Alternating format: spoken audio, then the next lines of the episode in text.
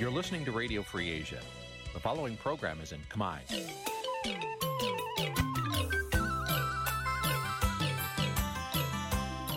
នេះជាកម្មវិធីផ្សាយ Vuthu Azizi Serai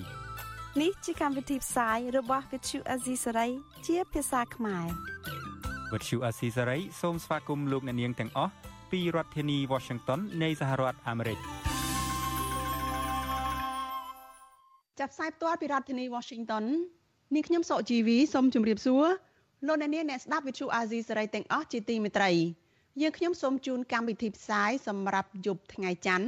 13កើតខែមិគសេឆ្នាំថោះបัญចស័កពុរសករាជ2567ចាប់ដល់ត្រូវនៅថ្ងៃទី25ខែធ្នូគ្រិស្តសករាជ2023ចាជាដំបូងនេះសូមអញ្ជើញលោកអ្នកនាងស្ដាប់ព័ត៌មានប្រចាំថ្ងៃដែលមានមេត្តាដូចតទៅ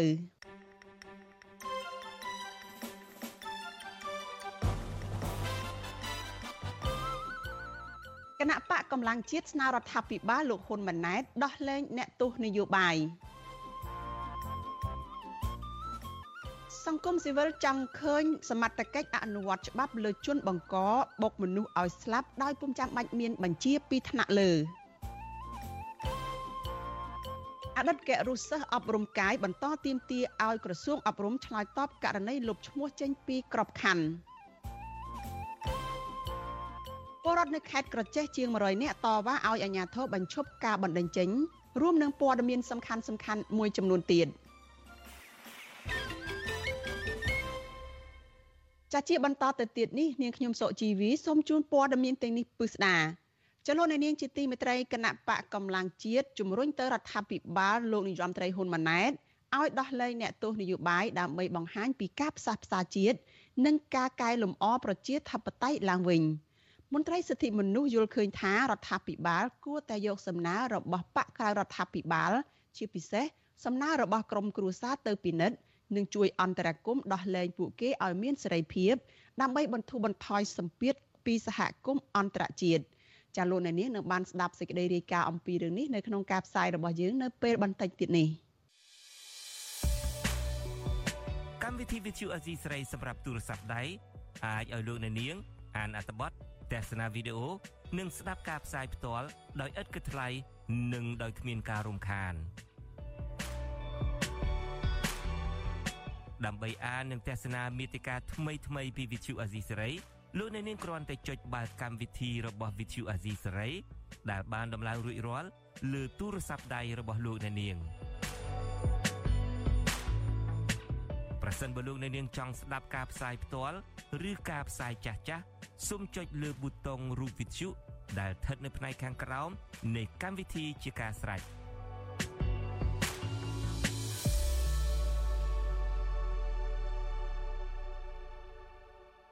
លោកនាងកញ្ញាប្រិយមិត្តជាទីមេត្រីចាព័ត៌មានតកតងនឹងករណីមានអ្នកដែលបង្កគ្រោះថ្នាក់ចរាចរណ៍ចាដោយបើកឡានបុកមនុស្សបណ្ដាលឲ្យស្លាប់ហើយរត់គេចខ្លួនមន្ត្រីអង្គការសង្គមស៊ីវិលចង់ឃើញសមត្ថកិច្ចនិងតុលាការអនុវត្តច្បាប់ទៅលើជនបង្កដែលបានបើកឡានបណ្ដាលឲ្យមនុស្សស្លាប់ហើយមិនដោយមិនចាំបាច់មានការបញ្ជាណាមួយពីថ្នាក់លើឡើយ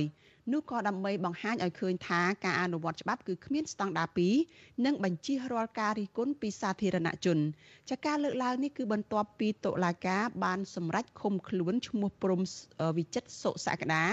ដែលបានបើករថយន្តបុកបរោះម្នាក់ឲ្យស្លាប់កាលពីថ្ងៃទី14ខែធ្នូកន្លងទៅ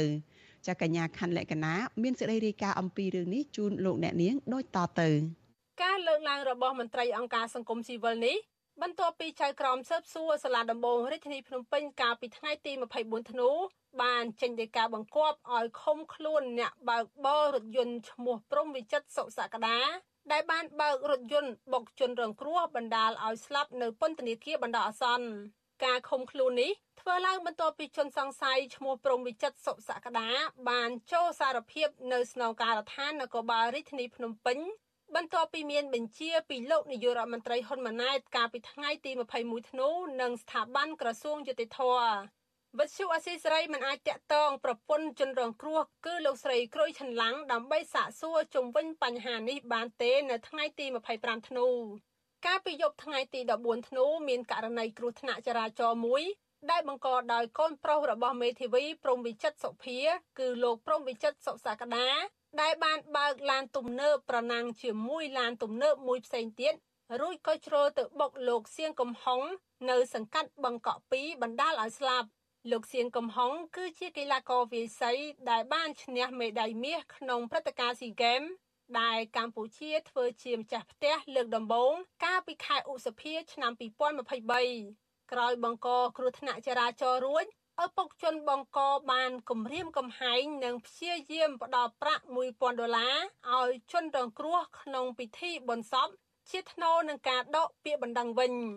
ជុំវិញរឿងនេះប្រធានសមាគមការពារសិទ្ធិមនុស្សអាត់ហុកលោកនីសុខាប្រាប់វិទ្យុអាស៊ីសេរីនៅថ្ងៃទី25ធ្នូថាកន្លងមកមានគ្រោះថ្នាក់ចរាចរណ៍ដូចគ្នានេះដែរប៉ុន្តែដោយសារតែជនបង្កមានប្រាក់បនស័កនិងគ្មានអន្តរាគមពីនាយករដ្ឋមន្ត្រី គឺបុគ្គលនោះមិនត្រូវបានចាប់ខ្លួនឡើយប៉ុន្តែករណីនេះ ជាសញ្ញាមួយដែលបង្ហាញថាតុលាការបានអនុវត្តច្បាប់ដោយសម្រេចឲ្យជនបង្កទទួលខុសត្រូវចំពោះមុខច្បាប់លោកក៏សម្គាល់ថាករណីនេះបើសិនជាគ្មានបញ្ជាពីនាយករដ្ឋមន្ត្រីទេ ប្រហែលជាជនបង្កក៏មិនត្រូវបានចាប់ខ្លួនឬឃុំខ្លួនឡើយដែលនេះបង្ហាញថាមិនទាន់មានការពង្រឹងការអនុវត្តច្បាប់ឲ្យបានត្រឹមត្រូវ និងរងចាំតែមានបទបញ្ជាពីថ្នាក់លើទើបអនុវត្តការអនុវត្តច្បាប់ចំពោះជនបង្ក មានកម្រិតប៉ុណ្ណាតើវាស្របទៅនឹងនីតិវិធីច្បាប់ដែរឬក៏អត់ឬក៏គ្រាន់តែជាការអនុវត្តមួយដែល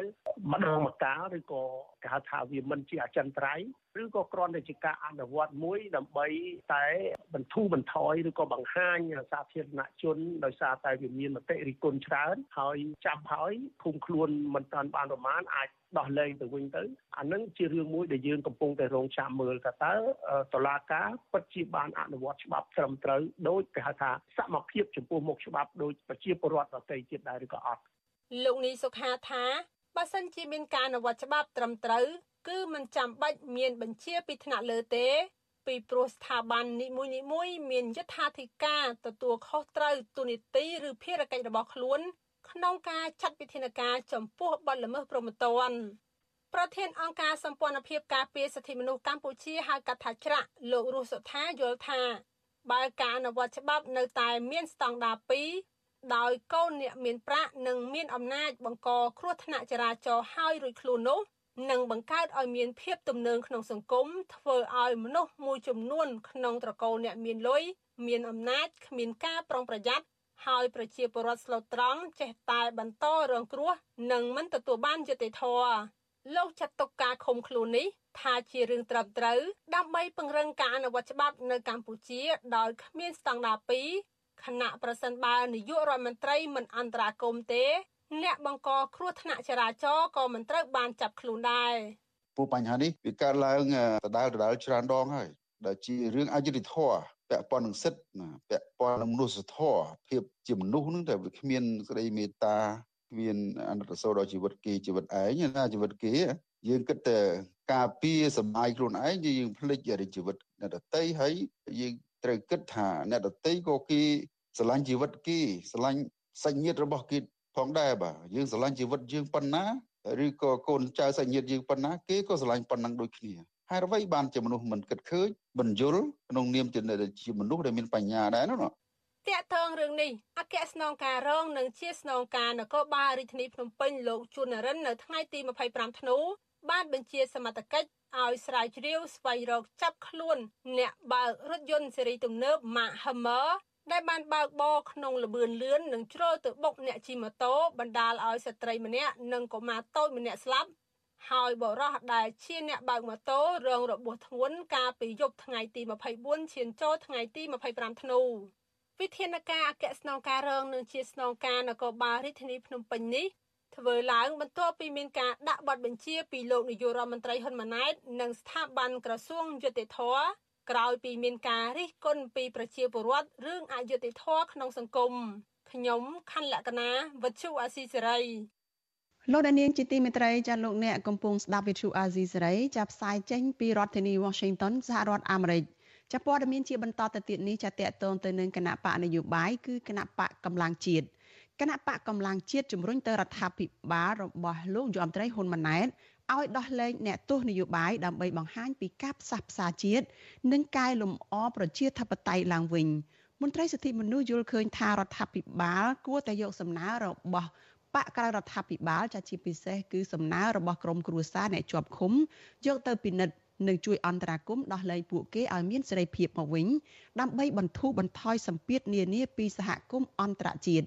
ចាលោកច័ន្ទដារ៉ូមានសេចក្តីរាយការណ៍អំពីរឿងនេះជូនលោកអ្នកនាងគណៈបកកម្លាំងជាតិបានដាក់លិខិតមួយច្បាប់ស្នើដល់រដ្ឋាភិបាលដោះលែងអ្នកដែលកំពុងជាប់ឃុំនយោបាយអ្នកការពារសិទ្ធិមនុស្សមេដឹកនាំសហជីពមានដូចជាលោកកឹមសុខា លោកថាច់សិដ្ឋាកញ្ញាសេងធីរីកញ្ញាឈឹមស៊ីធើរួមទាំងអ្នកទោសមនសិការផ្សេងទៀតលិខិតផ្ញើជូនលោកនាយករដ្ឋមន្ត្រីហ៊ុនម៉ាណែតកាលពីថ្ងៃទី22ខែធ្នូនោះបានរំលឹកដល់រដ្ឋាភិបាលអំពីវិបត្តិនយោបាយការបង្ក្រាបលើមន្ត្រីអង្គការសង្គមស៊ីវិលសហជីពសកម្មជនដីធ្លី សកម្មជនបរិស្ថាន និងប្រព័ន្ធផ្សព្វផ្សាយឯករាជ្យបានកើតឡើងក្នុងអាណត្តិរបស់រដ្ឋាភិបាលចាស់ ករណីនេះគឺជាមូលហេតុធ្វើឲ្យសហភាពអឺរ៉ុបផ្ដាច់ប្រព័ន្ធអនុគ្រោះពន្ធ EBA 20%ខណៈសហរដ្ឋអាមេរិកវិញ មិនបន្តប្រព័ន្ធអនុគ្រោះពន្ធ GSP តាំងពីឆ្នាំ2020មកដែលបណ្ដាលឲ្យរោងចក្រជាច្រើន នៅកម្ពុជាបិទទ្វារជាបន្តបន្ទាប់ធ្វើឲ្យប៉ះពាល់ធ្ងន់ធ្ងរដល់ជីវភាពកម្មករនិងប្រជាពលរដ្ឋនៅទូទាំងប្រទេសទីប្រឹក្សាគណៈបកកម្លាំងជាតិ លោករងឈុនប្រាប់វិទ្យុអាស៊ីសេរីនៅថ្ងៃទី25ខែធ្នូថាគណៈបកកម្លាំងជាតិស្នើរដ្ឋាភិបាលជួយអន្តរាគមន៍ដោះលែងអ្នកទោសមនសិការដោយសារពួកគេកំពុងជាប់ឃុំក្នុងពន្ធនាគារដោយគ្មានកំហុសជាពិសេសត្រូវការសេរីភាពបានទៅជួបជុំក្រុមគ្រួសារឡើងវិញទន្ទឹមនឹងនេះលោកថាការដោះស្រាយសំណុំរឿងអ្នកជាប់ឃុំទាំងនោះគឺពាក់ព័ន្ធការស្ដារប្រជាធិបតេយ្យ ដើម្បីទទួលបានប្រព័ន្ធអនុគ្រោះពន្ធសម្រាប់ផលប្រយោជន៍ជាតិរួម ហើយលោកយល់ថាប្រសិនបើរដ្ឋាភិបាលពិតជាយកចិត្តទុកដាក់អំពីសុខទុក្ខរបស់ប្រជាពលរដ្ឋត្រូវពិនិត្យដោះស្រាយរឿងនេះឲ្យទាន់ពេលវេលា ដើម្បីកុំឲ្យប៉ះពាល់ដល់សេដ្ឋកិច្ចជាតិនិងមុខមាត់រដ្ឋាភិបាលលើឆាកអន្តរជាតិបន្តទៀតយើងគិតថាបរដ្ឋាភិបាលមួយដែលជារដ្ឋាភិបាលយកឲ្យចិត្តទុកដាក់ ប្រជាពលរដ្ឋរបស់ខ្លួនត្រូវតែធ្វើការដោះស្រាយហើយដូច្នេះទោះបីយើងមិនមានទាន់មានអាសនៈនៅក្នុងស្ថាប័នរដ្ឋក៏ដោយប៉ុន្តែយើងត្រូវតែបង្ហាញអំពីការយកចិត្តទុកដាក់ដល់ប្រជាពលរដ្ឋដែលកំពុងប្រឈមជាពិសេសអ្នកដែលជាប់ឃុំដែលពុំបានប្រព្រឹត្តកំហុសបច្ចុប្បន្នសកម្មជនគណៈបកប្រឆាំងសកម្មជនសង្គមនិងអ្នករិះគន់រដ្ឋាភិបាលប្រមាណ30នាក់ កំពុងជាប់ឃុំក្នុងពន្ធនាគារចំណែកប្រពន្ធមន្ត្រីគណៈបកភ្លើងទៀនដែលកំពុងជាប់ឃុំក្នុងពន្ធនាគារខេត្តពោធិ៍សាត់លោកតូចថងគឺអ្នកស្រីសវណ្ណាថ្លែងថា លោកស្រីគាំទ្រសំណើរបស់គណៈបកកម្លាំងជាតិពីព្រោះប្តីលោកស្រី និងសកម្មជនផ្សេងទៀតជាប់ពន្ធនាគារទាំងអយុត្តិធម៌អស់រយៈពេលជាច្រើនឆ្នាំមកហើយ។ ឃុំគាត់អញ្ចឹងខ្ញុំអត់ត្រឹមត្រូវទេព្រោះខ្ញុំនៅតែទួយចិត្តយកប្តីខ្ញុំទៅឃុំអត់មានមូលហេតុអីខ្ញុំសូមស្នើដាក់ឆ្នាំ2023ចូល2024ហ្នឹងសូមអោយសម្ដេចហ៊ុនម៉ាណែតហ្នឹងដោះលែងអ្នកទោសទាំងអស់ទាំងគ្រួសារខ្ញុំទាំងដៃទោសយោបាយទាំងអស់គ្នាណាវិទ្យុអាស៊ីសេរីមិនអាចតេតើងប្រធានអង្គភិបអ្នកនាំពាក្យរដ្ឋាភិបាលលោកប៉ែនបូណានិងអ្នកនាំពាក្យក្រសួងយុតិធធលោកជិនម៉ាលីន ដើម្បីឆ្លើយតបជុំវិញរឿងនេះបានទេនៅថ្ងៃទី25ខែធ្នូនេះជុំវិញរឿងនេះអ្នកនាំពាក្យសមាគមការពារសិទ្ធិមនុស្សអាត6លោកសឹងសែនការណា មានប្រសាសន៍ដោយមើលឃើញថាស្ថានភាពនយោបាយមកដល់ពេលនេះរដ្ឋាភិបាលមិនទាន់បង្ហាញឆន្ទៈក្នុងការដោះស្រាយបញ្ហាសិទ្ធិមនុស្សនិងប្រជាធិបតេយ្យតាមសំណើរបស់សហគមន៍ជាតិនិងអន្តរជាតិជាវិជ្ជមាននៅឡើយទេ លោកយល់ថាសំណើរបស់គណៈបកកម្លាំងជាតិ គឺជារឿងល្អដែលរដ្ឋាភិបាលអាណត្តិថ្មីគួរយកមកពិនិត្យដោះស្រាយអ្វីដែលការដោះស្រាយបញ្ហានឹងបានវាជាគុណប្រយោជន៍មកដល់ពលរដ្ឋកម្ពុជាក៏ដូចជារដ្ឋាភិបាលកម្ពុជាផងដែរពីព្រោះនេះគឺជាបញ្ហាគុណគ្រឹះសំខាន់ណាស់ដែលសហគមន៍អន្តរជាតិគេតែងតែទទូចចង់ឃើញអំពីការបើកនៅបរិយាកាសនយោបាយនិងការរំលោភសិទ្ធិមនុស្សអីទាំងអស់នេះគណៈបកកម្លាំងជាតិប្រាប់ទៅរដ្ឋាភិបាលដែរថា ការដោះលែងអ្នកជាប់ឃុំក្រោមហេតុផលនយោបាយទាំងនោះដើម្បីដោះស្រាយវិបត្តិនយោបាយឆ្ពោះទៅរកសាមគ្គីភាព និងឯកភាពជាតិឡើងវិញ ដោយឈលលើមូលដ្ឋានផលប្រយោជន៍ជាតិដែលជាមូលដ្ឋានក្នុងការជួយសង្គ្រោះជីវភាពកម្មករនិងប្រជាពលរដ្ឋខ្មែរព្រមទាំងទទួលបានមកវិញ នៅប្រព័ន្ធអនុគ្រោះពន្ធ EBA 20%ពីសហភាពអឺរ៉ុបនិង GSP ពីសហរដ្ឋអាមេរិកឡើងវិញ កាលពីពេលថ្មីថ្មីនេះ គណៈកម្មការអឺរ៉ុបជំរុញឲ្យរដ្ឋាភិបាលរបស់លោកហ៊ុនម៉ាណែតបង្ហាញឲ្យឃើញការពិត និងគួរឲ្យជឿជាក់ក្នុងការស្ដារប្រជាធិបតេយ្យការគោរពសិទ្ធិមនុស្សជាពិសេសពាក់ព័ន្ធនឹងក្តីកង្វល់ជុំវិញសិទ្ធិពលរដ្ឋនិងសិទ្ធិនយោបាយរួមទាំងបញ្ហាដីធ្លី និងសិទ្ធិការងារដើម្បីទទួលបានប្រព័ន្ធអនុគ្រោះពន្ធ EBA ពេញលេញឡើងវិញចំណែកសហរដ្ឋអាមេរិកវិញក៏ជំរុញឲ្យបើកលំហសេរីភាពពលរដ្ឋ និងដោះលែងអ្នកទោសមនសិការដែរដោយអាមេរិកបញ្ជាក់ចំហនៅមុខលោកនាយករដ្ឋមន្ត្រីហ៊ុនម៉ាណែតថាសារៈសំខាន់នៃសិទ្ធិមនុស្សនិងការការពារសិទ្ធិជាមូលដ្ឋាន គឺចាំបាច់ត្រូវតែមានក្នុងទំនាក់ទំនងរវាងកម្ពុជានិងសហរដ្ឋអាមេរិកខ្ញុំបាទច័ន្ទដារោវុទ្ធុអាស៊ីសេរី ចាលោកនាងកញ្ញាប្រិយមិត្តជាទីមេត្រីចាមិនលួសថ្ងៃទេចាដែលវិទ្យុអាស៊ីសេរីចានៅក្នុងកម្មវិធីផ្សាយព័ត៌មានរបស់យើងនេះចាគឺតែងតែមានការចូលមកបញ្ចេញមតិយោបល់ចាជារបៀបដែលវាលុកផ្ទួនផ្ទួនគ្នាហើយជាការបញ្ចេញមតិយោបល់ដដែលដដែលហើយប្រើពាក្យអសុរោះជាដើម ហើយក្រុមការងាររបស់វិទ្យុអាស៊ីសេរីចាកំពុងតែពិនិត្យមើលបញ្ហានេះ ហើយការបញ្ចេញមតិយោបល់បែបនេះចាហាក់ដូចជា មានការរៀបចំរបស់ក្រមណាមួយចាដែលមកបញ្ចេញមតិនៅលើវិទ្យុអាស៊ីសេរីនេះគឺជាការវាយលុកចាដូចជាកងទ័ពដែលធ្វើការវាយលុកមិនដាច់រហូតជាប់ជានិច្ចចាបើទោះជាយ៉ាងណាចាក្រមការងាររបស់វិទ្យុអាស៊ីសេរីវិទ្យុអាស៊ីសេរីចាគឺនៅតែផ្ដល់តម្លៃទៅដល់ការបញ្ចេញមតិរបស់លោកអ្នកនាង ហើយប្រកាន់ភ្ជាប់នឹងការគោរពសេរីភាពបញ្ចេញមតិនេះហើយគឺសំដៅទៅលើការបញ្ចេញមតិណាដែលត្រឹមត្រូវហើយពិតប្រាកដ ចាលោកនាងកញ្ញាជាទីមេត្រីចាតកតងនឹងកម្មវិធី podcast របស់វិទ្យុអាស៊ីសេរីចាកម្ពុជាសប្តាហ៍នេះចានៅពេលបន្តិចទៀតនេះចាលោកនាងនឹងបានទស្សនាការចាក់ផ្សាយឡើងវិញចាកម្មវិធី podcast របស់វិទ្យុអាស៊ីសេរីចាកម្ពុជាសប្តាហ៍នេះដែលនឹងជជែកតាក់ទងទៅនឹងឧបាយកលថ្មីនៃការបំបិតមាត់ពលរដ្ឋចាលោកសំពូលីនិងលោកយ៉ងច័ន្ទតារាចាជជែកគ្នាអំពីរឿងនេះជាមួយនឹងសកម្មជនសកម្មជនសង្គមគឺកញ្ញាសូមេតា ចាការជជែកគ្នានេះតកតងទៅនឹងឧបាយកលថ្មីនៃការបំបិតមាត់ពលរដ្ឋដែលបញ្ចេញមតិរិះគន់រដ្ឋាភិបាលចាតើឧបាយកលថ្មីនោះយ៉ាងណាខ្លះចាសូមអញ្ជើញលោកអ្នកនាងចារងចាំទស្សនាការចាក់ផ្សាយឡើងវិញកម្មវិធី podcast របស់វិទ្យុអាស៊ីសេរីចាកម្ពុជាសប្តាហ៍នេះចាដែលជាការជជែករវាងលោកសំពូលីនិងលោកយ៉ងច័ន្ទតារានៅពេលបន្តិចទៀតនេះដើម្បីទទួលបានរង្វាន់អាយុធ podcast របស់ Visual Assisray សម្រាប់សប្តាហ៍នេះ សូមប្រិយមិត្តសរសេរជាអត្ថបទកំណាព្យដែលឆ្លុះបញ្ចាំងពីការពិតនៅក្នុងសង្គមកម្ពុជាឬផ្ដល់មតិយោបល់ពីប្រធានបទល្អៗដែលប្រិយមិត្តចង់ដឹងនិងចង់ឲ្យយើងលើកយកមកពិភាក្សាសូមកុំភ្លេចបញ្ជាអាស័យដ្ឋានរបស់លោកអ្នកនាងរួចផ្ញើចម្លើយទៅកាន់អ៊ីមែលរបស់យើង contact@ofa.org នាដំណាក់កាលនេះដើម្បីរក្សាសុវត្ថិភាពយើងនឹងចែកជូនអាយុនេះដល់ប្រិយមិត្តដែលកំពុងរស់នៅក្រៅប្រទេសកម្ពុជាតែប៉ុណ្ណោះ។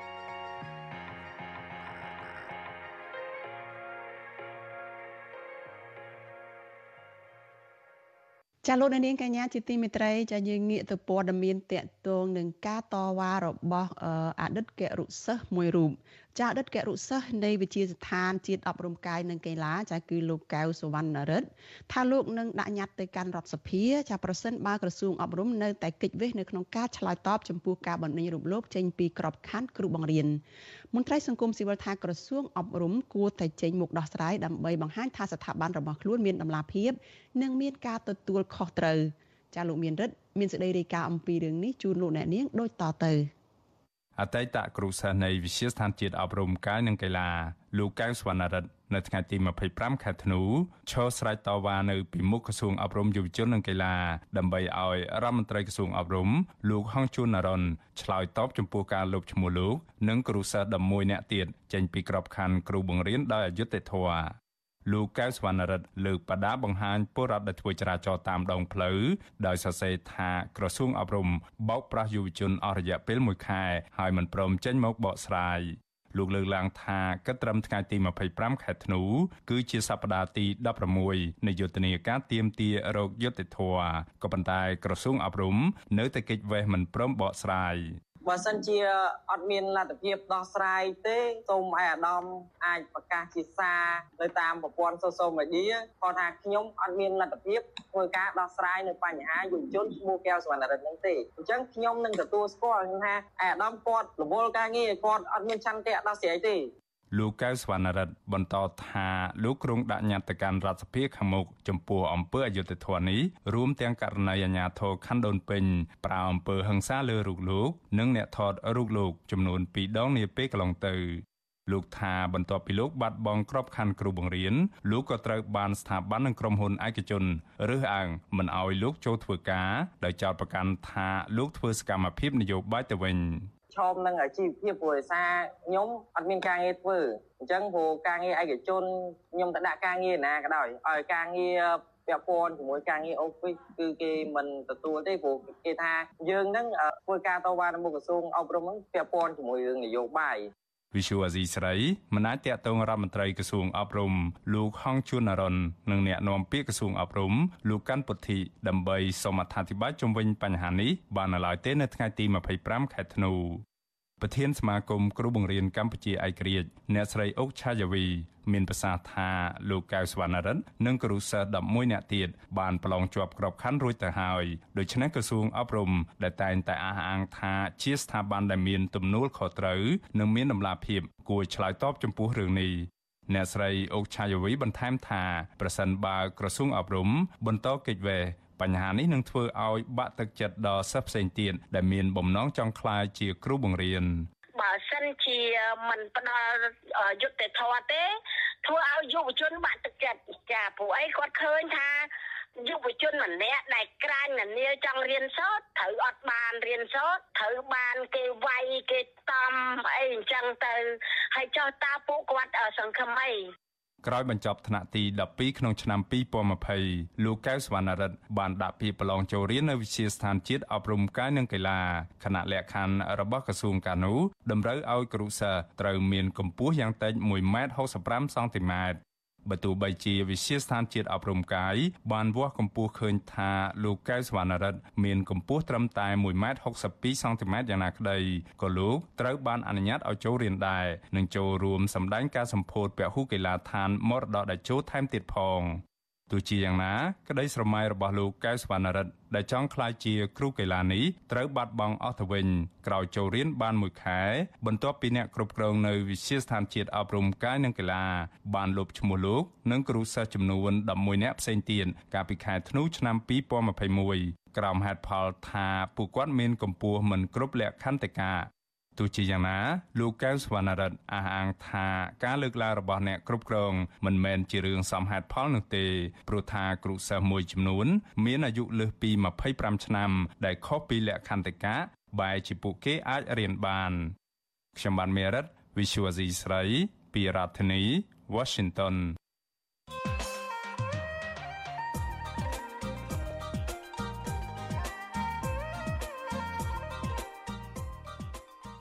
ចាលោកអ្នកនាងកញ្ញាជាទីមេត្រីចាឆ្នាំថ្មីឆ្នាំ2024នឹងចូលមកដល់ហើយនៅប្រហែលថ្ងៃខាងមុខនេះចាជាទូទៅយើងតែងតែជូនពរគ្នាឲ្យរកស៊ីមានបានសម្បូរសប្បាយនិងជាពិសេសឲ្យមានសុខភាពល្អប៉ុន្តែតើយើងគួរធ្វើបែបណាដើម្បីឲ្យមានសុខភាពល្អទាំងផ្លូវកាយនិងផ្លូវចិត្ត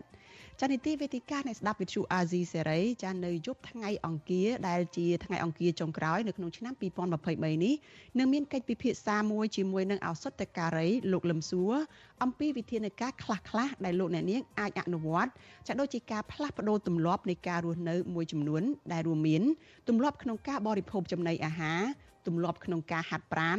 និងទម្លាប់នៅក្នុងការគិតជាដើម។ ចាសសូមអញ្ជើញលោកអ្នកនាងចារងចាំទស្សនាវេទិកានៃស្ដាប់វិទ្យុអាស៊ីសេរីដែលនឹងជជែកអំពីបញ្ហានេះនៅយប់ថ្ងៃអង្គារស្អែកនេះកុំបីខានចាកម្មវិធីនេះនឹងសម្របសម្រួលដោយលោកជុនច័ន្ទបុតចាលោកអ្នកនាងអាចបញ្ចេញមតិយោបល់ឬក៏សួរវាគ្មិនរបស់យើងបានដោយលោកអ្នកនាងដាក់លេខទូរស័ព្ទរបស់លោកអ្នកនាងនៅក្នុងខ្ទង់ comment របស់ Facebook និង YouTube ព្រមទាំង Telegram របស់ Vithu Azizi Serai ចាស់ក្រុមការងាររបស់យើងនឹងហៅទៅលោកអ្នកនាងវិញ។ លោកអ្នកនាងកញ្ញាជាទីមេត្រីលោកអ្នកកំពុងស្ដាប់វិទ្យុអាស៊ីសេរីចាប់ផ្សាយចេញពីរដ្ឋធានី Washington សហរដ្ឋអាមេរិកចាប់ព័ត៌មានជាបន្តទៅទៀតនេះចាតតទៅទៅនឹងការតវ៉ារបស់ប្រជាពលរដ្ឋនៅឯខេត្តក្រចេះចាប់ពលរដ្ឋជាង100នាក់នៅក្នុងចំណោមពលរដ្ឋចំនួន247គ្រួសាររស់នៅក្នុងភូមិចំនួន7នៅឯឃុំបោះលាវស្រុកចិត្តបុរីខេត្តក្រចេះនៅថ្ងៃទី25ខែធ្នូបានលើកគ្នាទាមទារឲ្យអាជ្ញាធរនៅក្នុងខេត្តនេះ ប្រគល់ដីឲ្យពួកគាត់កាន់កាប់ជាក់ស្ដែង និងបញ្ឈប់បណ្ដេញពួកគាត់ចេញដោយបង្ខំការតវ៉ានេះធ្វើឡើងក្រោយពីអាជ្ញាធរនៅក្នុងខេត្តក្រចេះនិងមន្ត្រីជំនាញបានចុះវាស់វែងនៅលើដីរបស់ពួកគាត់ដែលកំពុងរស់នៅនិងសម្រេចប្រគល់ដីរបស់ពួកគាត់ឲ្យកាន់កាប់ស្មើស្មើគ្នា ដោយក្នុងនោះមួយគ្រួសារទទួលបានដីទំហំបណ្ដោយ50ម៉ែត្រនិងទទឹង15ម៉ែត្រ ជាប្រភេទដីលំនៅឋាន និងជាប្រភេទដីកសិកម្មដែលមានទទឹង50ម៉ែត្របណ្ដោយ50ម៉ែត្រពលរដ្ឋម្នាក់ដែលលើកគ្នាទៅតវ៉ាលោកជឿមទឿនប្រាប់វិទ្យុអាស៊ីសេរីថាពលរដ្ឋភៀកច្រើនក្រីក្របានអាស្រ័យផលនឹងការកាប់ដីធ្លីតំបន់នោះតាំងពីដូនតាហើយក្រោយឆ្នាំ1979ក៏ប៉ុន្តែអាជ្ញាធរនៅក្នុងខេត្តក្រចេះបែរជាចង់ដកហូតដីរបស់ពលរដ្ឋដែលជាអ្នកភូមិដើម្បីធ្វើជាដីសមរភាពទៅវិញ។ លោកថានៅក្នុងពេលតវ៉ាពុំឃើញមានអាជ្ញាធរដោះស្រាយទេហេតុនេះពួកគេបានទៅដល់ការិយាល័យរបស់សមាគមអាត60នៅក្នុងខេត្តក្រចេះដើម្បីប្រឹក្សាផ្នែកច្បាប់ដីធ្លីហ្នឹងពួកខ្ញុំហ្នឹងបានធ្វើយូរហើយអញ្ចឹងណាយូរហើយទៅអត់មានដីធ្លីអីដែលកងការផលដើម្បីចិញ្ចឹមជីវិត ដីវាតិចអញ្ចឹងហើយបានតែពួកខ្ញុំហ្នឹងលើគ្នាទៅតវ៉ាដើម្បីសុំធ្វើអង្គមការផលបន្តអញ្ចឹងណាអត់មានអីរស់បានអញ្ចឹងជាពលរដ្ឋអត់សុខចិត្តទេគាត់ចង់ទៅជួបអាជ្ញាធរនៅភ្នំពេញអញ្ចឹងវិទ្យុអាស៊ីសេរីនៅមិនទាន់អាចតាក់ទងសុំការបំភ្លឺរឿងនេះពីអភិបាលខេត្តក្រចេះលោកវ៉ាថនបាននៅឡើយទេ នៅថ្ងៃទី25ខែធ្នូក៏ប៉ុន្តែកាលពីចុងខែកញ្ញាឆ្នាំ2023អភិបាលខេត្តរូបនេះ បានជូនដំណឹងឲ្យពលរដ្ឋទាំងនោះឲ្យបញ្ឈប់ការកាន់កាប់ដាំដុះបន្ថែម និងរុះរើរបងពូជដំណាំនិងសម្ភារៈផ្សេងផ្សេងចេញពីទីតាំងដីទាំងនោះចាប់តាំងពីថ្ងៃជូនដំណឹងរហូតដល់ថ្ងៃទី30ខែកញ្ញាឆ្នាំ2023ជាកំហិតលោកវ៉ាថនបន្ថែមថាក្រមការងារខេត្តនឹងដាក់គ្រឿងចាក់ចូលសម្អាតប្រសិនបើពលរដ្ឋមិនសហការជាមួយនឹងអាជ្ញាធរខេត្តដើម្បីអនុវត្តច្បាប់ ជុំវិញរឿងនេះមន្ត្រីសម្របសម្រួលសមាគមអាត60នៅក្នុងខេត្តក្រចេះលោកយុនអៀមដែលចុះអង្កេតរឿងនេះយល់ឃើញថាអាជ្ញាធរគួរតែប្រគល់ដីជូនប្រជាពលរដ្ឋកាន់កាប់តាមស្ថានភាពជាក់ស្ដែងស្របតាមច្បាប់ភូមិបាលពីព្រោះពលរដ្ឋបានកាន់កាប់ដីនៅតំបន់នោះតាំងពីដូនតានិងខ្លះទៀតកាន់កាប់តាំងពីឆ្នាំ1979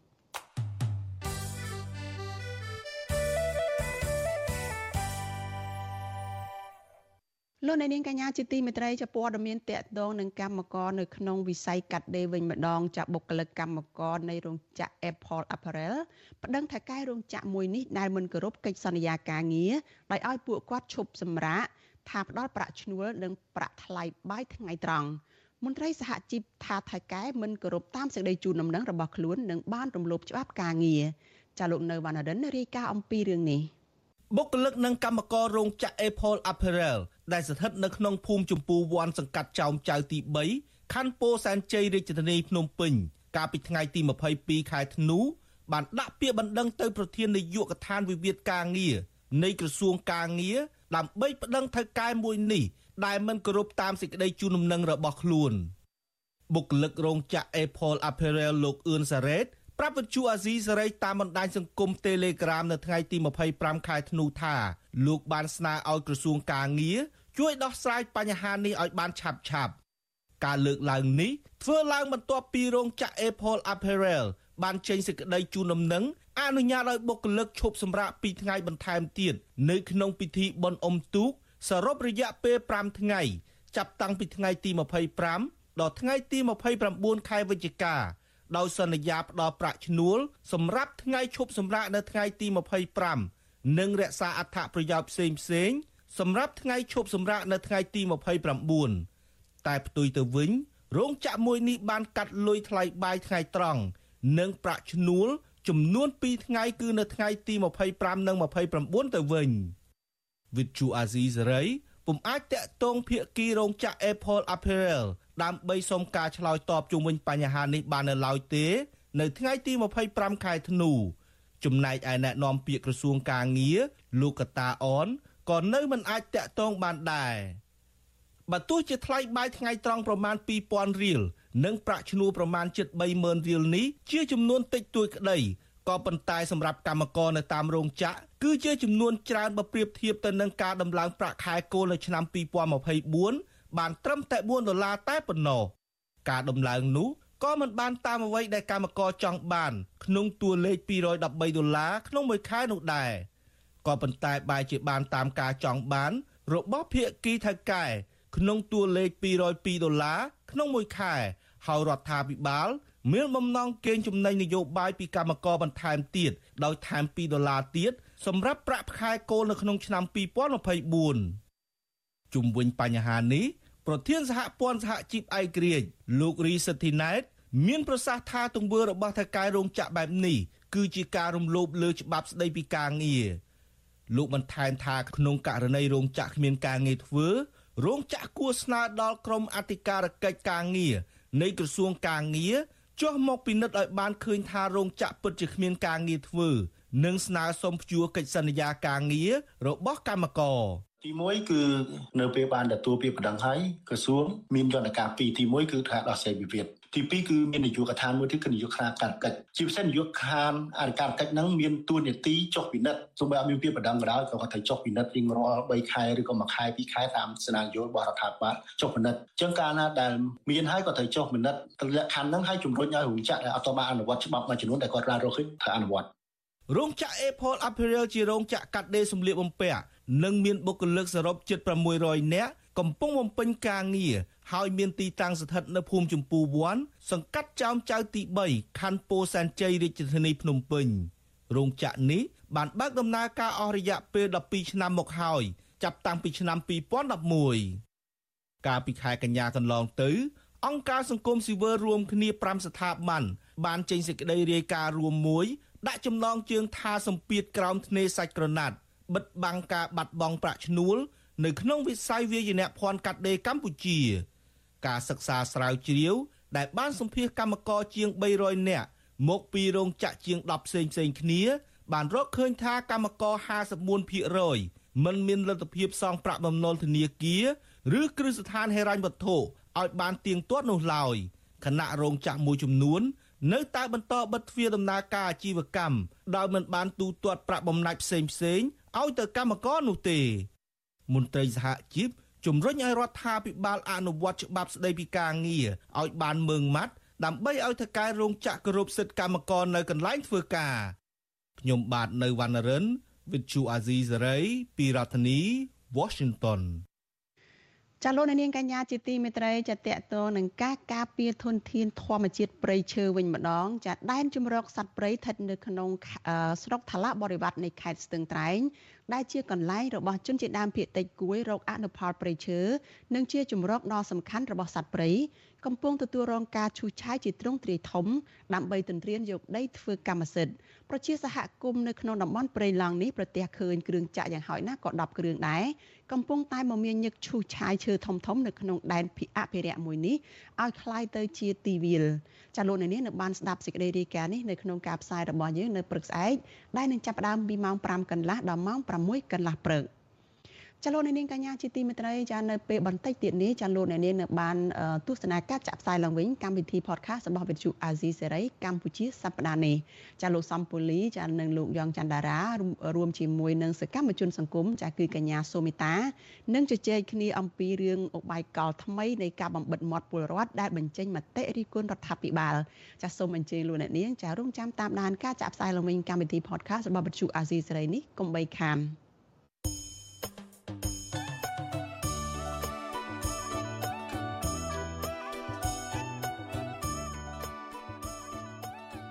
ចាលោកនាងកញ្ញាជាទីមេត្រីចាដំណើរគ្នានឹងស្ដាប់ការផ្សាយផ្ទាល់របស់ Vithu Azizi សេរីចានៅលើបណ្ដាញសង្គម Facebook YouTube ចានិង Telegram លោកនាងក៏អាចស្ដាប់ការផ្សាយរបស់ Vithu Azizi សេរីនេះចាតាមរយៈ Vithu រលកធាតុអាកាសខ្លីគឺ Post SW តាមកម្រិតនិងកម្ពស់ដូចតទៅនេះពេលព្រឹកចាប់ពីម៉ោង5កន្លះដល់ម៉ោង6កន្លះតាមរយៈ post SW ចា93.90 MHz ស្មើនឹងកម្ពស់ 32m និង post SW 11.85 MHz ស្មើនឹងកម្ពស់ 25m ចាពេលយប់ចាប់ពីម៉ោង7កន្លះដល់ម៉ោង8កន្លះតាមរយៈ post SW 93.30 MHz ស្មើនឹងកម្ពស់ 32m post SW 11.88 MHz ស្មើនឹងកម្ពស់ 25m និង post SW 15.15 MHz ស្មើនឹងកម្ពស់ 20m ចាសសូមអរគុណ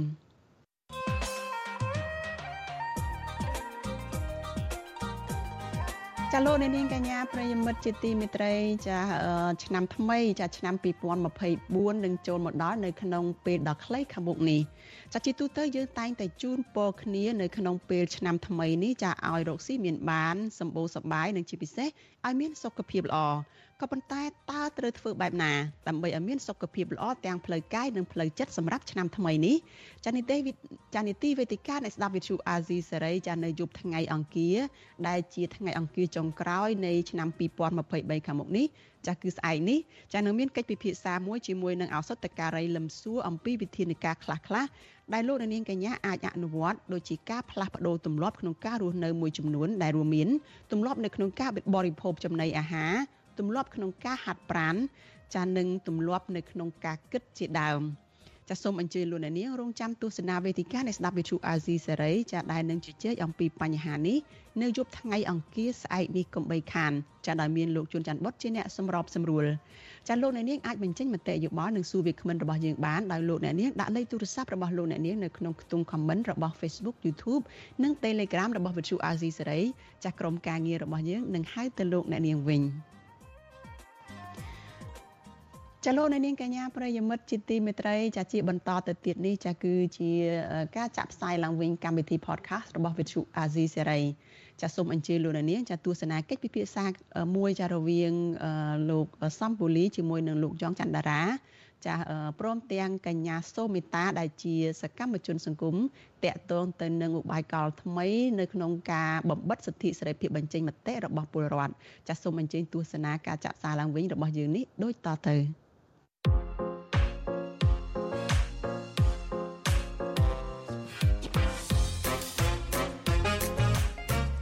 ជាសប្តាហ៍នេះនេះគឺជាកម្មវិធី podcast របស់ Vuthu Azizi Serai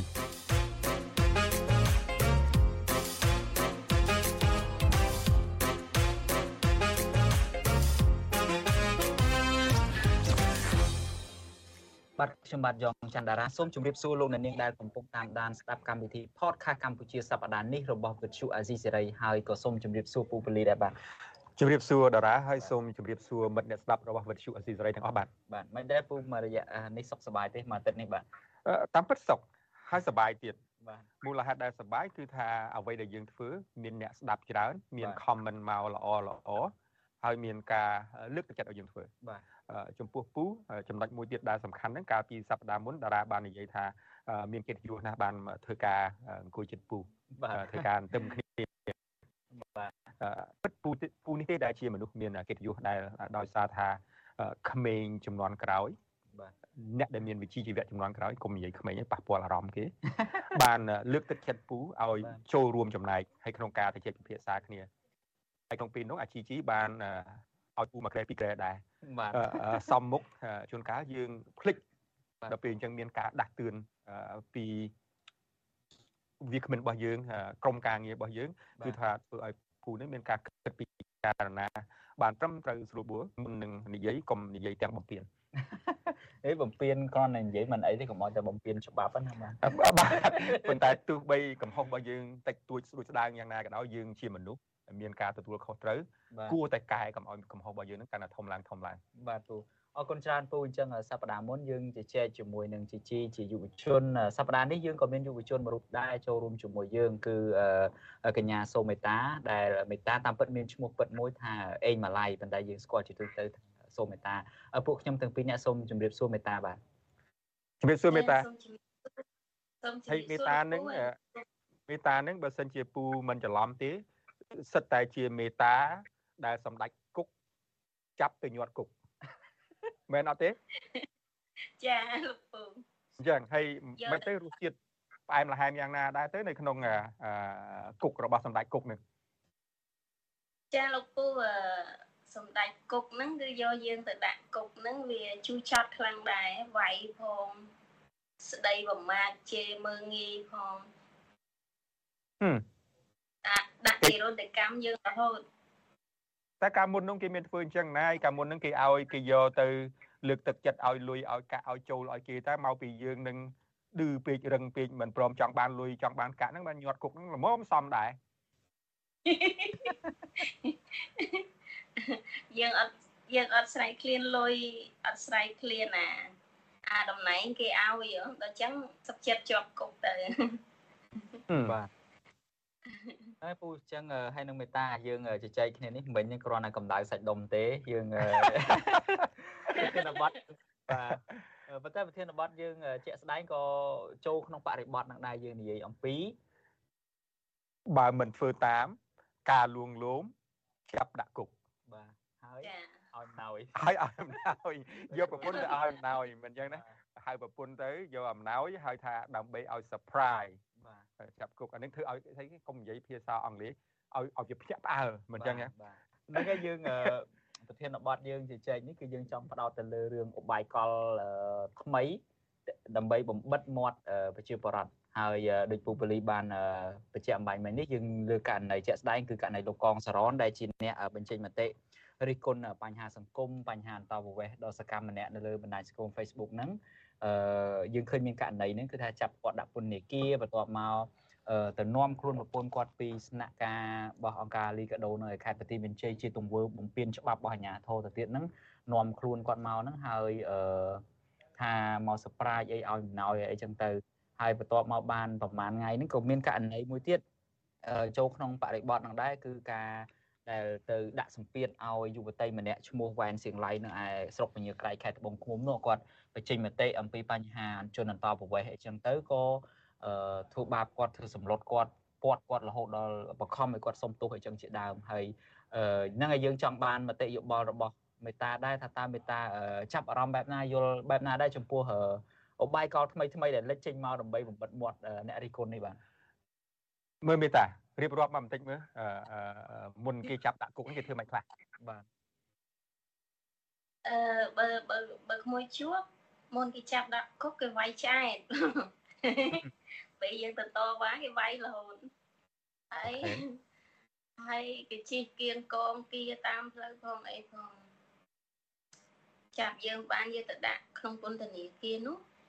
ក៏គេវាយទៀតហើយយកយើងទៅដាក់ជាមួយអ្នកទោសអក្រិតជនសម្រាប់មនុស្សជាច្រើនអ្នកនៅក្នុងនំធ្វើឲ្យយើងមានការបារម្ភហើយព្រួយ ភ័យខ្លាចសុវត្ថិភាពជាបើតកតងដែលយុទ្ធសាស្ត្រថ្មីរបស់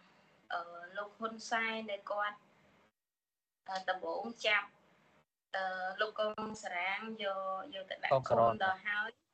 អកងសរនដល់ហើយអឺ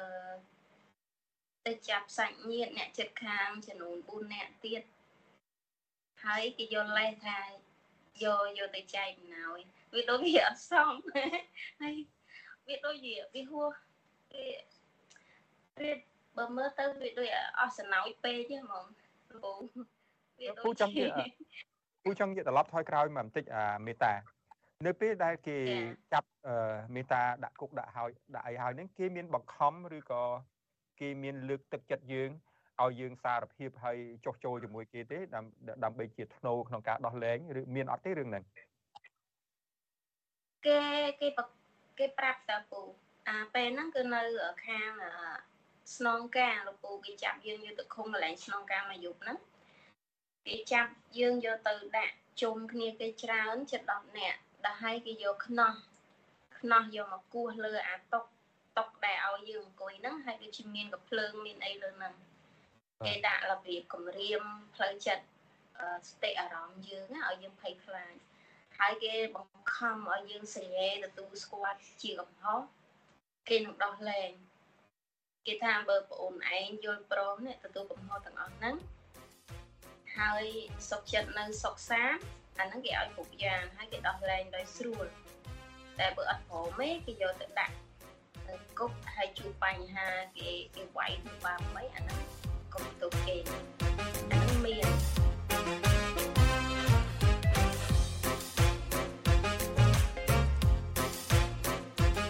អំពីបញ្ហាជនអន្តោប្រវេសន៍បញ្ហាបូនភាពទឹកដីហ្នឹងគឺប្រជាពលរដ្ឋខ្មែរគឺដឹងទាំងអស់គ្នាហើយមានយើងមានបញ្ហាហ្នឹងមែនយើងទទួលស្គាល់ថាមានបញ្ហាហ្នឹងមែនអញ្ចឹងនៅពេលដែលការចាប់ខ្លួនលោកកងសរនបំផុសឲ្យមានការគ្រប់គ្រងទៅដល់ស្មារតីជាតិនិយមរបស់គាត់ហើយជាពិសេសម្ដាយរបស់គាត់លោកយាយសួងខិននឹងជាដើមទោះបីជាថាគាត់មានវ័យរហូតដល់102វស្សាហើយក៏គាត់នៅតែមានជំហររឹងមាំរឹងមាំមិនគ្រប់គ្រងឲ្យមានជនអន្តោប្រវេសន៍ខុសច្បាប់អីនៅកម្ពុជាអីចឹងដែរហើយទៅអឺ យុវតីវ៉ែនសៀងឡៃនេះមួយសប្តាហ៍រយៈពេលមួយសប្តាហ៍ក្រោយពេលដែលគេនាំខ្លួនប្រពន្ធលោកកងសរនទៅយកអំណោយបែប surprise ហ្នឹងគាត់មានសារមួយដែរគាត់បង្ហោះសារតាក់ទងនឹងរឿងគាត់មើលឃើញពីអន្តោប្រវេសន៍ប្រទេសជិតខាងកម្ពុជានិយាយចំទៅគឺករណីជនតប្រវេសន៍វៀតណាមហ្នឹងគាត់ហូរចូលស្រុកខ្មែរយើងហ្នឹងវាងាយជាជាងដែលពលរដ្ឋខ្មែរយើងហ្នឹងចូលទៅខាងវៀតណាម ហើយគាត់ព្រួយបារម្ភអំពីស្ថានភាពហ្នឹងហើយព្រួយបារម្ភអំពីបញ្ហាសង្គមដទៃទៀតហើយគាត់បង្ហោះសារហ្នឹងលើលើ Facebook អញ្ចឹងទៅបន្ទាប់ពីឃើញសារហ្នឹងទៅនេះប្រជាពលរដ្ឋ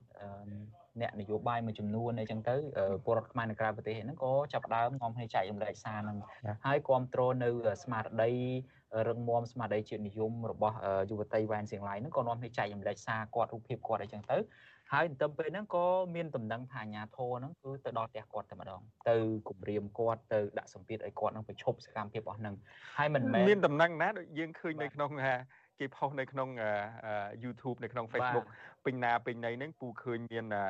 បរោះពីរអ្នកមានវ័យចំណាស់មកបន្តិចហ្នឹងទៅសួរសំណួរក្មេងស្រីដែលមានអាយុ17ឆ្នាំហ្នឹងហ្នឹងនេះឯពូហ្នឹងក្រោយមកទេក្រោយមកបន្តិចទេក្រោយមកបន្តិចពេលដែលគាត់ចេញសារចេញវីដេអូសុំទោសហើយទេពេល អ្វីដែលយើងនិយាយនេះគឺមានន័យថាពេលដែលចាប់ផ្ដើមគេចែកម្លេចសារគាត់ច្រើនហ្នឹងក៏អាញាធរហ្នឹងក៏ទៅគម្រាមគាត់ទៅអីចឹងណាហើយយើងបានសម្ភាសយុវតីវ៉ានសៀងឡៃផ្ទាល់តែម្ដងអាស៊ីសេរីយើងបានសម្ភាសពេលហ្នឹងគឺគាត់បញ្ជាក់ថាអាញាធរហ្នឹងបានគម្រាមគាត់ឲ្យប្រឈប់សកម្មភាពគំមានគាត់ដល់ផ្ទះតែម្ដងដល់ផ្ទះហើយក្រោយមកទៀតបើតាមប្រភពច្បាស់ការហ្នឹងបញ្ជាក់ថាអាញាធរហ្នឹងបានគេថាហៅគាត់ហ្នឹងទៅគម្រាមរហូតដល់ប្រើរយៈពេលច្រើនម៉ោងដើម្បីឲ្យគាត់កែប្រែហើយចេញសារសុំទោសអីចឹងណាបាទ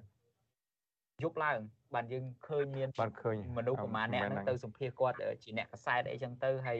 សួរសំណួរដឹកមុខផងអីផងហ្នឹងពូយ៉ាងម៉េចដែរចំណុចនេះឥឡូវមុនសួរពូសួរមេតាបាទសួរមេតាមេតាថោកទាបអត់ចរិតចឹងចឹងអីទៅធ្វើគម្រាមកំហែង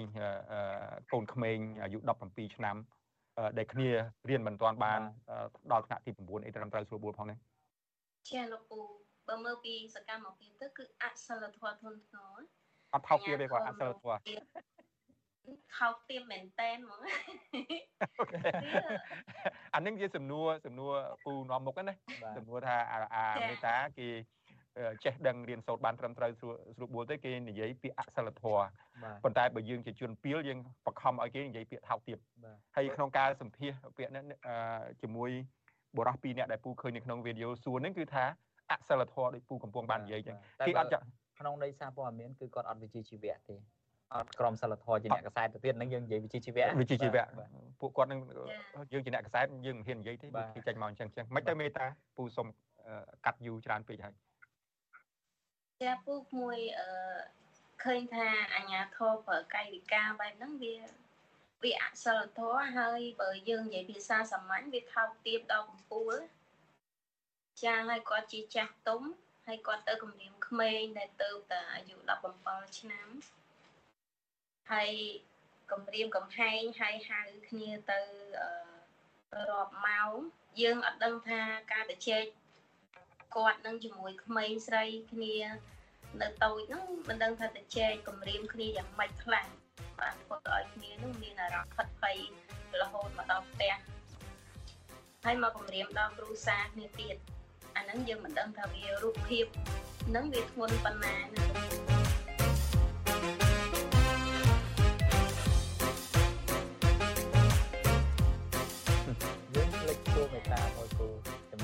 មួយ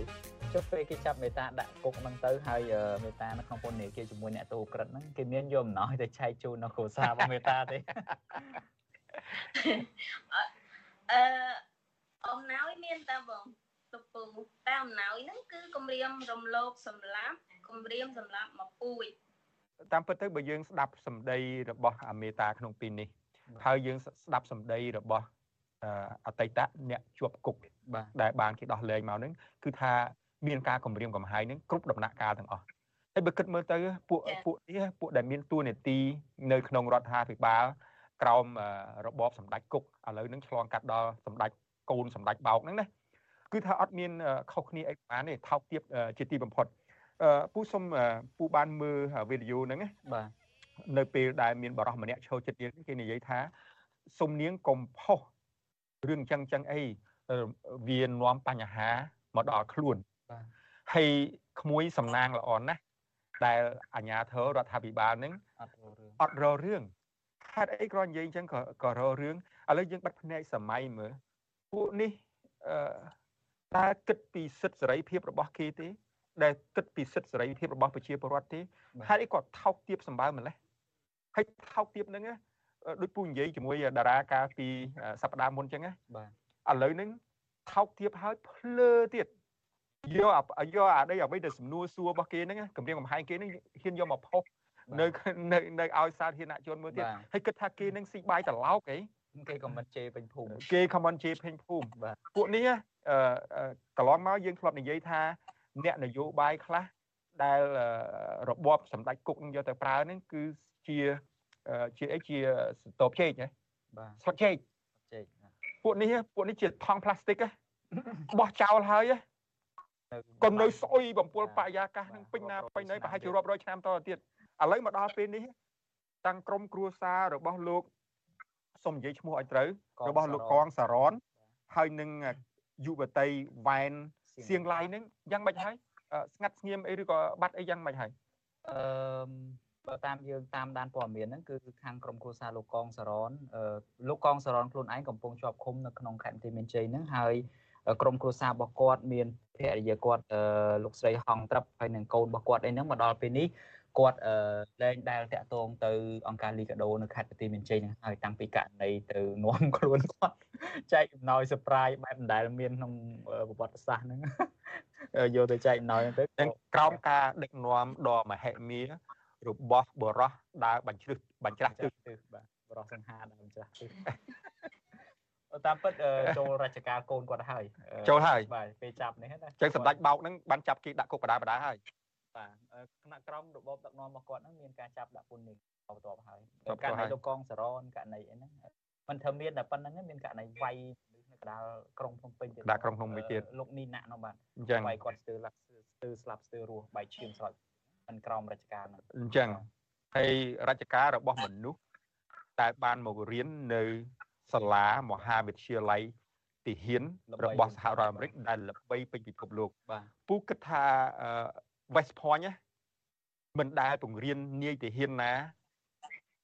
ឲ្យទៅធ្វើបាបប្រជាពលរដ្ឋគេអញ្ចឹងទេព្រោះទាហានបើយើងទៅសមរភូមិអឺមិត្តភ័ក្តិរបស់គេ no no មិនមិត្តភ័ក្តិខុសគឺថាមនុស្សដែលនៅក្នុង unit ជាមួយគ្នាស្លាប់រងរបួសគេនឹងបដូរជីវិតទៅទាញអស់យកមកដើម្បីឲ្យកុំឲ្យខ្មាំងត្រួតត្រាពួកនេះពីលអ៊ីពីលសម្បើមហ៎ហ្នឹងហើយករណីបើយើងបើកពុំកញ្ចក់មិញហ្នឹងករណីលោកកងសរនហ្នឹងមកដល់ពេលនេះខាងគ្រូសាគាត់លែងហ៊ានតាក់ទងទៅខាងលីកាដូហើយអត់ដែលឃើញតាក់ទងទៅទេចំណែកយុវជនយុវតីវ៉ែនសៀងឡៃនេះគាត់ទទួលបាន ណោយមានម៉ូតូមានការផ្គត់ផ្គង់ការសិក្សាអញ្ចឹងទៅប្រហែលជាមានការជួសជុលផ្ទះផងថែមទៀតអីចឹងណាពីព្រោះអឺសម្ដេចពុកបានសន្យាថានឹងជួយ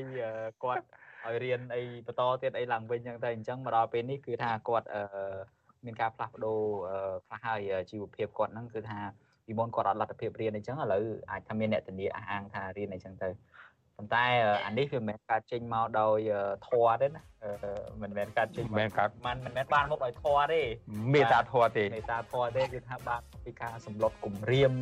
ការបង្ខំចិត្តទទួលយកការបង្ខំចិត្តសារភាពខ្លួនឯងអញ្ចឹងទៅទម្លាក់កំហុសលើខ្លួនឯងអញ្ចឹងទាំងតែខ្លួនឯងអត់មានកំហុសអញ្ចឹងទៅបាទ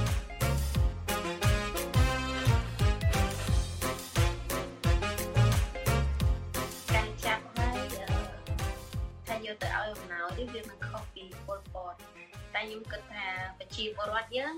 គាត់អត់បាក់ស្បាតទេអ្នកដែលគាត់អឺនៅតែមាននៅតែមានអ្នកគាត់អឺចេញនៅក្នុងការរិះគន់បញ្ចេញមតិពីសិទ្ធិរបស់គាត់គាត់ឃើញពីប្រទេសជាតិរបស់គាត់មានការមិនប្រក្រតីមេដឹកនាំមិនខ្វល់ពីជាតិមិនខ្វល់ពីទឹកដីរបស់ខ្លួនគាត់នៅតែបន្តនៅក្នុងការរិះគន់អញ្ចឹងបង ទោះបីជាមានការចាប់ដាក់គុកការគំរាមកំហែងការទៅគំរាមក្មេងស្រីដ៏តូច ដែលគាត់មានឆន្ទៈនៅក្នុងការរិះគន់រឿងអន្តោប្រវេសន៍នោះខ្ញុំគិតថានៅតែមានយុវជននិងយុវតីក្រោយក្រោយនៅតែគិតនៅតែហ៊ាននិយាយចឹងខ្ញុំគិតថាយុទ្ធសាស្ត្រនេះ ជាយុទ្ធសាស្ត្រថ្មីហើយខ្ញុំគិតថា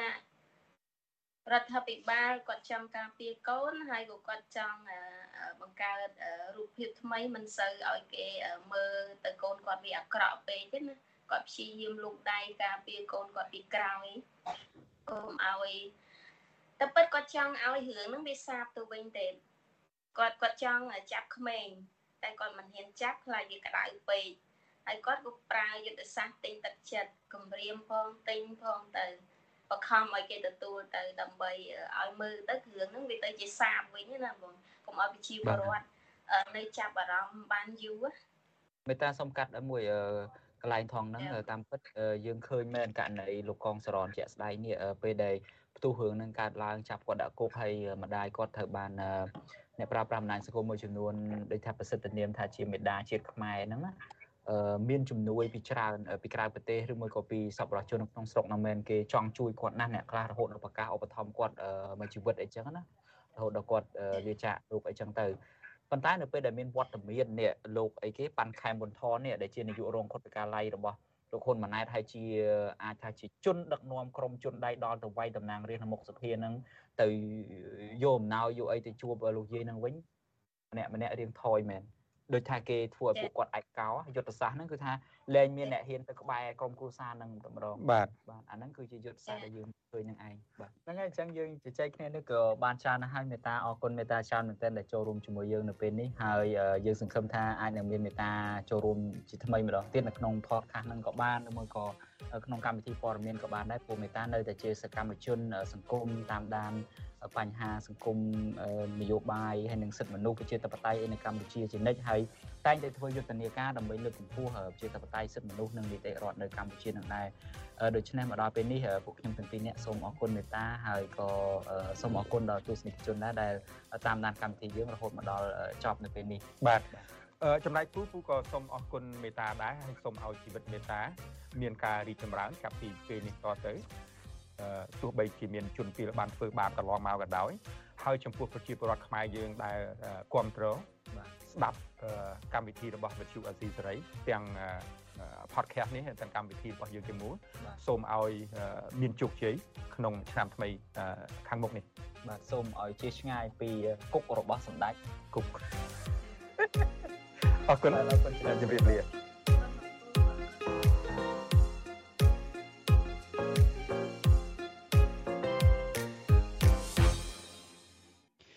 ចាលោកនាងកញ្ញាជាទីមេត្រីចាក្នុងឱកាសដែលឆ្នាំថ្មីឆ្នាំ2024ចានឹងចូលមកដល់នៅក្នុងពេលឆាប់ឆាប់នេះចាកម្មវិធី podcast របស់វិទ្យុអាស៊ីសេរីចាក៏នឹងត្រៀមប្រធានបទថ្មីថ្មីបន្ថែមទៀតចាដើម្បីយកមកជជែកពិភាក្សាផ្សាយជូនលោកអ្នកនាងចាកម្មវិធី podcast របស់វិទ្យុអាស៊ីសេរីនេះចាមានផ្សាយជូនលោកអ្នកនាងចានៅលើបណ្ដាញ podcast មួយចំនួនចាមានដូចជា Google Podcast Apple Podcast និង Spotify ជាដើមចានៅរៀងរាល់ព្រឹកថ្ងៃច័ន្ទម៉ោងព្រឹកថ្ងៃសៅរ៍ចាម៉ោងនៅកម្ពុជាហើយមានចាក់ផ្សាយឡើងវិញនៅរៀងរាល់យប់ថ្ងៃច័ន្ទចានៅក្នុងកម្មវិធីផ្សាយព័ត៌មានរបស់វិទ្យុអាស៊ីសេរីចានៅរៀងរាល់យប់ថ្ងៃច័ន្ទចាប្រសិនបើលោកអ្នកនាងចាចង់ចូលទៅស្ដាប់កម្មវិធី podcast របស់វិទ្យុអាស៊ីសេរីចាសូមអញ្ជើញលោកអ្នកនាងចាវាយពាក្យថាកម្ពុជាសប្តាហ៍នេះនៅលើប្រអប់ស្វែងរកនៅលើបណ្ដាញ podcast មួយចំនួនចាដូចជា Google Podcast Apple Podcast និង Spotify ចាលោកអ្នកនាងនឹងអាចចូលទៅស្ដាប់កម្មវិធីនេះបានចាហើយចំពោះលោកអ្នកនាងដែលចង់បានអាវយឺតចាពីខាងកម្មវិធី podcast របស់វិទ្យុអាស៊ីសេរីនេះចាសូមអញ្ជើញលោកអ្នកនាងចាផ្ញើជាមតិយោបល់ ចាគឺជាប្រធានបទសម្រាប់កិច្ចពិភាក្សានៅក្នុងកម្មវិធី podcast ចាហើយយើងនឹងពិនិត្យមើលដើម្បីផ្ដល់លទ្ធភាពឲ្យលោកអ្នកនាងបានទទួលជារង្វាន់អាវយឺតពីកម្មវិធី podcast របស់វិទ្យុអាស៊ីសេរីនេះ ចាលោកនាងកញ្ញាជាទីមេត្រីចាការផ្សាយរបស់វិទ្យុអាស៊ីសេរីចានៅយប់នេះចាចាប់ត្រឹមតែប៉ុណ្ណេះចានាងខ្ញុំសុជីវីព្រមទាំងក្រុមការងារទាំងអស់នៃវិទ្យុអាស៊ីសេរីចាសូមអរគុណដល់លោកអ្នកនាងដែលតែងតែមានភក្ដីភាពចំពោះការផ្សាយរបស់យើងហើយតាមដានស្ដាប់ការផ្សាយរបស់យើងនេះជារៀងរាល់ថ្ងៃចាក្នុងឱកាសឆ្នាំថ្មីឆ្នាំ2024នេះចាសូមឲ្យឆ្នាំថ្មី